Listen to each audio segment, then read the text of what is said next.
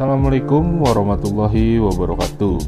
Kembali lagi bersama saya Tino Vidiantoro Guru Bahasa Indonesia kelas 10 di SMA Mertia Bakti. Pada kesempatan kali ini kita masih membahas materi terakhir di kelas 10 pada pembelajaran semester genap tahun ajaran 2020-2021 di mana pada subbab kali ini kita masih memperdalam mempelajari materi teks puisi yaitu adalah bagaimana mendemonstrasikan sebuah puisi baik itu merasakan pembacaannya merasakan uh, antusiasmenya ketika kalian membacakan sebuah puisi seperti apa gitu.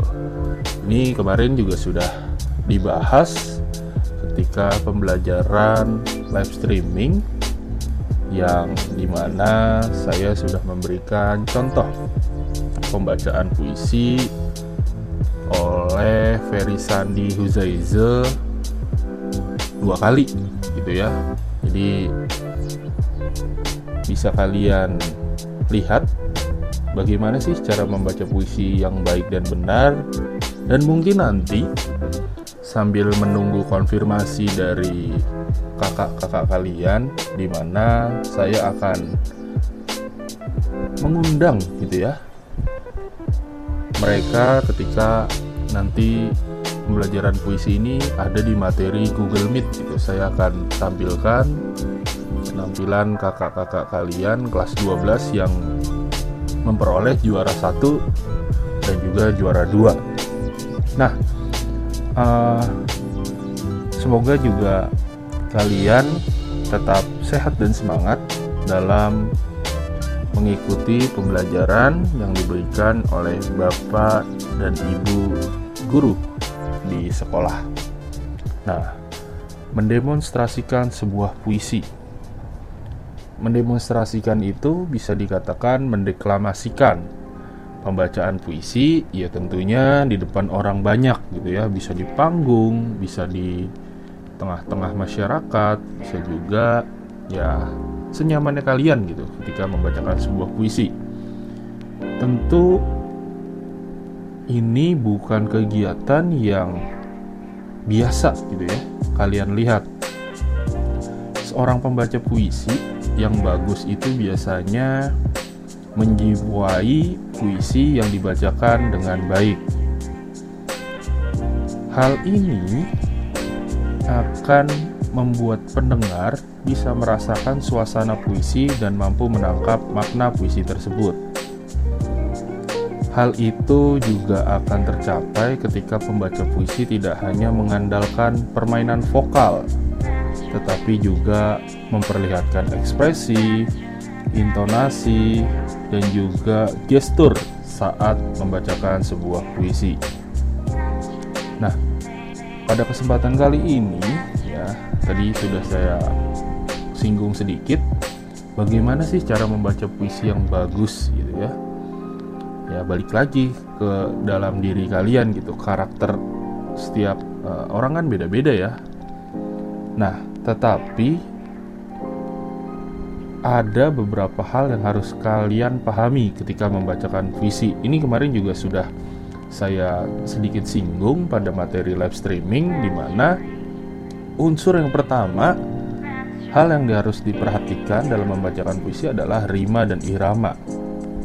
Ya, intinya ketika membaca puisi kalian tidak perlu terburu-buru ataupun juga tidak memperlambat baca puisi kalian. Karena kalau keduanya tidak seimbang akan kurang nikmat gitu ya untuk didengarkan. Yang kedua ada artikulasi. Artikulasi ini kan berisi kejelasan suara mulai dari vokal a, i, u, e, o, i, au, au gitu ya. Jadi artikulasi huruf-huruf vokal dalam pembacaan puisi juga harus jelas gitu. Yang ketiga, artikulasi perlu didukung dengan yang namanya ekspresi. Ya, ekspresi ini kan disesuaikan dengan isi puisinya gitu kan. Jika kalian membacakan sebuah puisi, kalau puisinya sedih, ya ekspresi mukanya juga sedih gitu. Jangan sampai ketika kalian membacakan sebuah puisi tentang atau bertemakan kesedihan, kalian malah tertawa. Nah, selanjutnya kalian juga perlu mengatur nafas. Kenapa? Hal ini diperlukan agar kalian tidak tergesa-gesa dalam membacakan sebuah puisi. Misal satu larik itu biasanya dua nafas atau tiga nafas gitu ya tergantung kalian memberikan tanda jeda pada puisi yang kalian tulis atau kalian bacakan itu sendiri nah yang terakhir ini adalah penampilan. Penampilan di sini ya melihat kepribadian dan sikap kalian gitu di panggung. Usahakan kalian tetap tenang tidak gelisah dan ya kalau gugup sih semuanya pasti akan merasakan gugup gitu ya. Tapi hal ini harus kalian kondisikan sehingga kalian tetap stabil ketika membacakan sebuah puisi nah itu tadi nah pada kesempatan kali ini juga saya akan memberikan sebuah uh, jenis puisi ya di mana puisi ini akan coba mengenal diri kalian sendiri. Mungkin kalian asing dengan jenis puisi yang seperti ini. Nama puisinya adalah puisi akrostik. Puisi akrostik ini berbeda dari jenis puisi yang lain. Puisi akrostik biasanya memiliki gaya puisi yang tidak harus memiliki rima atau bersifat bebas. Jadi lebih mudah ya untuk kalian membuat sebuah puisi akrostik ini. Puisi akrostik diartikan sebagai salah satu karya sastra berbentuk puisi atau sajak yang menyusun sebuah nama menjadi sebuah larik dengan huruf pertama di tiap baris dibacakan secara menurun atau vertikal.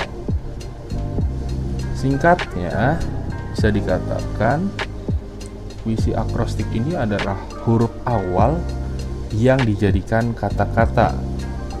Tidak ada ketentuan tertentu untuk membuat puisi akrostik, pola, rima, ataupun jumlah larik yang boleh dibuat sehingga puisi akrostik ini bervariasi gitu ya. Setidaknya di sini ada enam jenis puisi akrostik. Ya, yang paling simple adalah kalian bisa lihat di Google Classroom. Di situ sudah saya berikan sebuah contoh. Misal nama Sabil. S-nya itu apa? A-nya itu apa, B-nya itu apa, I-nya itu apa, L-nya itu apa, atau nama Tolha, T-nya itu apa, H-nya itu apa, O-nya itu apa, L-nya itu apa, A-nya itu apa, dan H-nya itu apa. Atau mungkin nama-nama seperti uh, Devita, Lulu, nah itu bisa dijadikan sebuah puisi akrostik. Jadi huruf depannya saja L misalnya lang langit sore ini sangat bagus U-nya itu untuk itu bla bla bla bla bla. Nah balik lagi ke L-nya. Nah, jadi puisi akrostik yang harus kalian buat setelah pembelajaran hari ini adalah jenis puisi akrostik. Nah kita masuk. Jenis puisi akrostik yang pertama adalah akrostik kata. Akrostik kata adalah jenis puisi akrostik yang berfokus dari satu huruf menjadi sebuah kata. Nah, ini yang kita pakai atau ini yang akan kita buat gitu ya. Yang kedua adalah akrostik larik. Akrostik larik ini akrostik yang berfokus pada satu huruf menjadi sebuah larik. Ya. Ini juga masuk ke dalam sebuah penugasan gitu ya. Ini juga bisa dikatakan sebuah puisi akrostik yang nantinya akan kalian buat tadi seperti yang saya jelaskan. Dari nama Sabil, S-nya itu menjadi sebuah larik. Ingat, larik itu ada di dalam bait.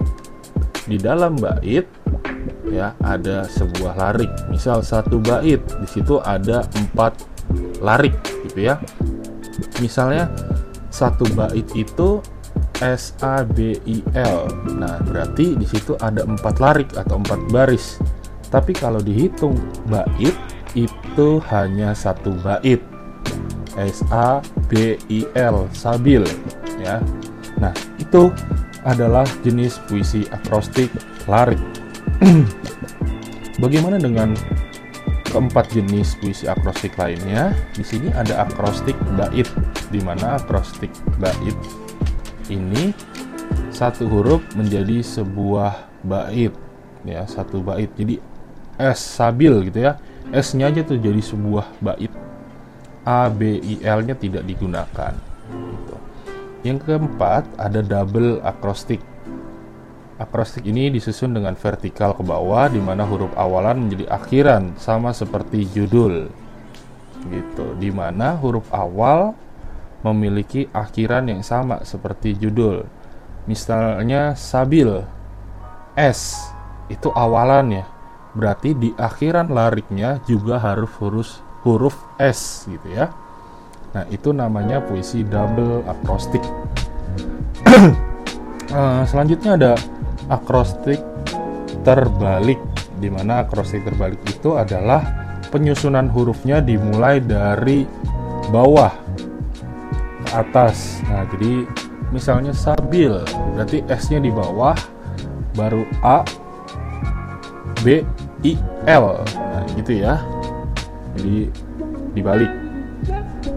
Dan terakhir ada akrostik tengah. Akrostik tengah itu adalah susunan akrostik yang terdapat di tengah liriknya ditandai dengan tanda kurung pada huruf yang dimaksud dengan memudahkan pembaca untuk menemukan akrostiknya. Jadi huruf-huruf seperti sabil itu ada di tengahnya. Misalnya depannya umum gitu ya, tapi huruf S-nya itu diubah menjadi kata lalu diberi tanda kurung S gitu. Nah, Mungkin nanti secara jelas bisa saya paparkan ketika kita uh, Google Meet kali ya atau materinya nanti akan saya bagikan ke grup Mapel Bahasa Indonesia. Nah, itu merupakan enam jenis puisi akrostik.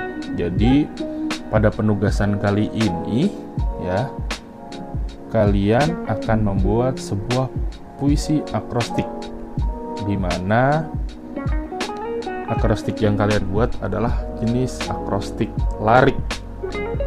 Tadi akrostik yang berfokus dari satu huruf menjadi sebuah larik. Ya, jadi misal tadi ada nama Lulu siapa gitu ya. L-nya itu apa, U-nya itu apa, L-nya itu apa, U-nya itu apa. Jadi sebuah puisi. Nah, bagaimana cara membuat sebuah puisi akrostik?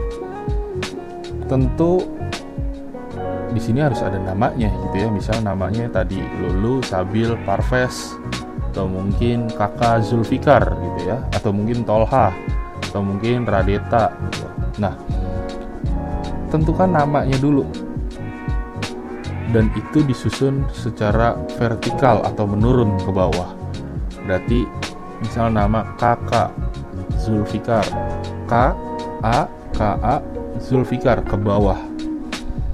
Lalu setelah itu susun kata tersebut menjadi sebuah uh, larik gitu ya. Kalian buat visinya seperti apa, bertemakan apa itu bebas. Itu jenis puisi akrostik. Nah, setelah itu isi baris setiap huruf dengan menyusun vertikal tadi ya disusun secara vertikal dan kesesuaian dengan uh, larik-larik sebelumnya.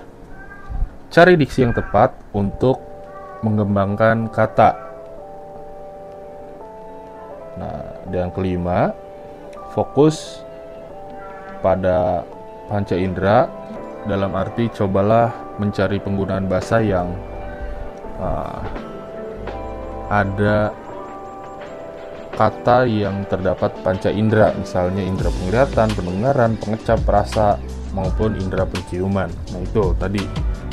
Jadi uh, bisa dikatakan jenis puisi akrostik ini adalah jenis puisi yang sangat uh, dasar gitu ya untuk nantinya bisa kalian buat sesuai dengan nama kalian. Misalnya tadi nama-nama seperti Sabil, dulu bahkan nama seperti Parves. Nah resikonya yang namanya panjang-panjang gitu ya. Ya saya harap tetap membuat visinya dengan baik dan serius gitu. Bisa lihat nanti di Google Classroom seperti apa. Di situ sudah saya berikan contoh dan juga instruksinya seperti apa. Harap dikerjakan sehingga nantinya tidak ada lagi teman-teman yang mendapatkan nilai di bawah rata-rata gitu ya. Atau sibuk ketika teman-teman yang lain sudah masuk materi apa dia masih mengerjakan tugas yang belum dia selesaikan. Sekali lagi tetap uh, sehat dan semangat dalam mengikuti pembelajaran yang diberikan oleh Bapak Ibu guru di sekolah sehingga kalian juga dapat belajar secara maksimal yang baik gitu ya. Dan apabila ada materi yang belum dimengerti bisa kalian tanyakan ke grup apel gitu ya. Jangan ketika kalian tidak paham akan tugas kalian hanya diam dan menunggu gitu. Ketika nilainya jelek atau kurang baru deh kerepotan. Nah itu jangan uh, melakukan hal-hal yang seperti itu karena dapat merugikan uh, waktu dan diri kalian sendiri Cukup sekian pembelajaran hari ini. Semoga pembelajaran hari ini berkah dan bermanfaat untuk kita semua. Sekali lagi, harap tugas yang diberikan itu diselesaikan dengan baik, ya, dan dikerjakan. Bila mana ada yang belum dimengerti, bisa ditanyakan ke grup Mapel Bahasa Indonesia. Saya akhiri, kurang lebihnya mohon maaf. Semoga kalian tetap ya nyaman karena memang uh, aktivitas juga masih dibatasi. Tetap semangat, tetap sehat. Semoga pembelajaran hari ini berkah dan bermanfaat. Assalamualaikum warahmatullahi wabarakatuh.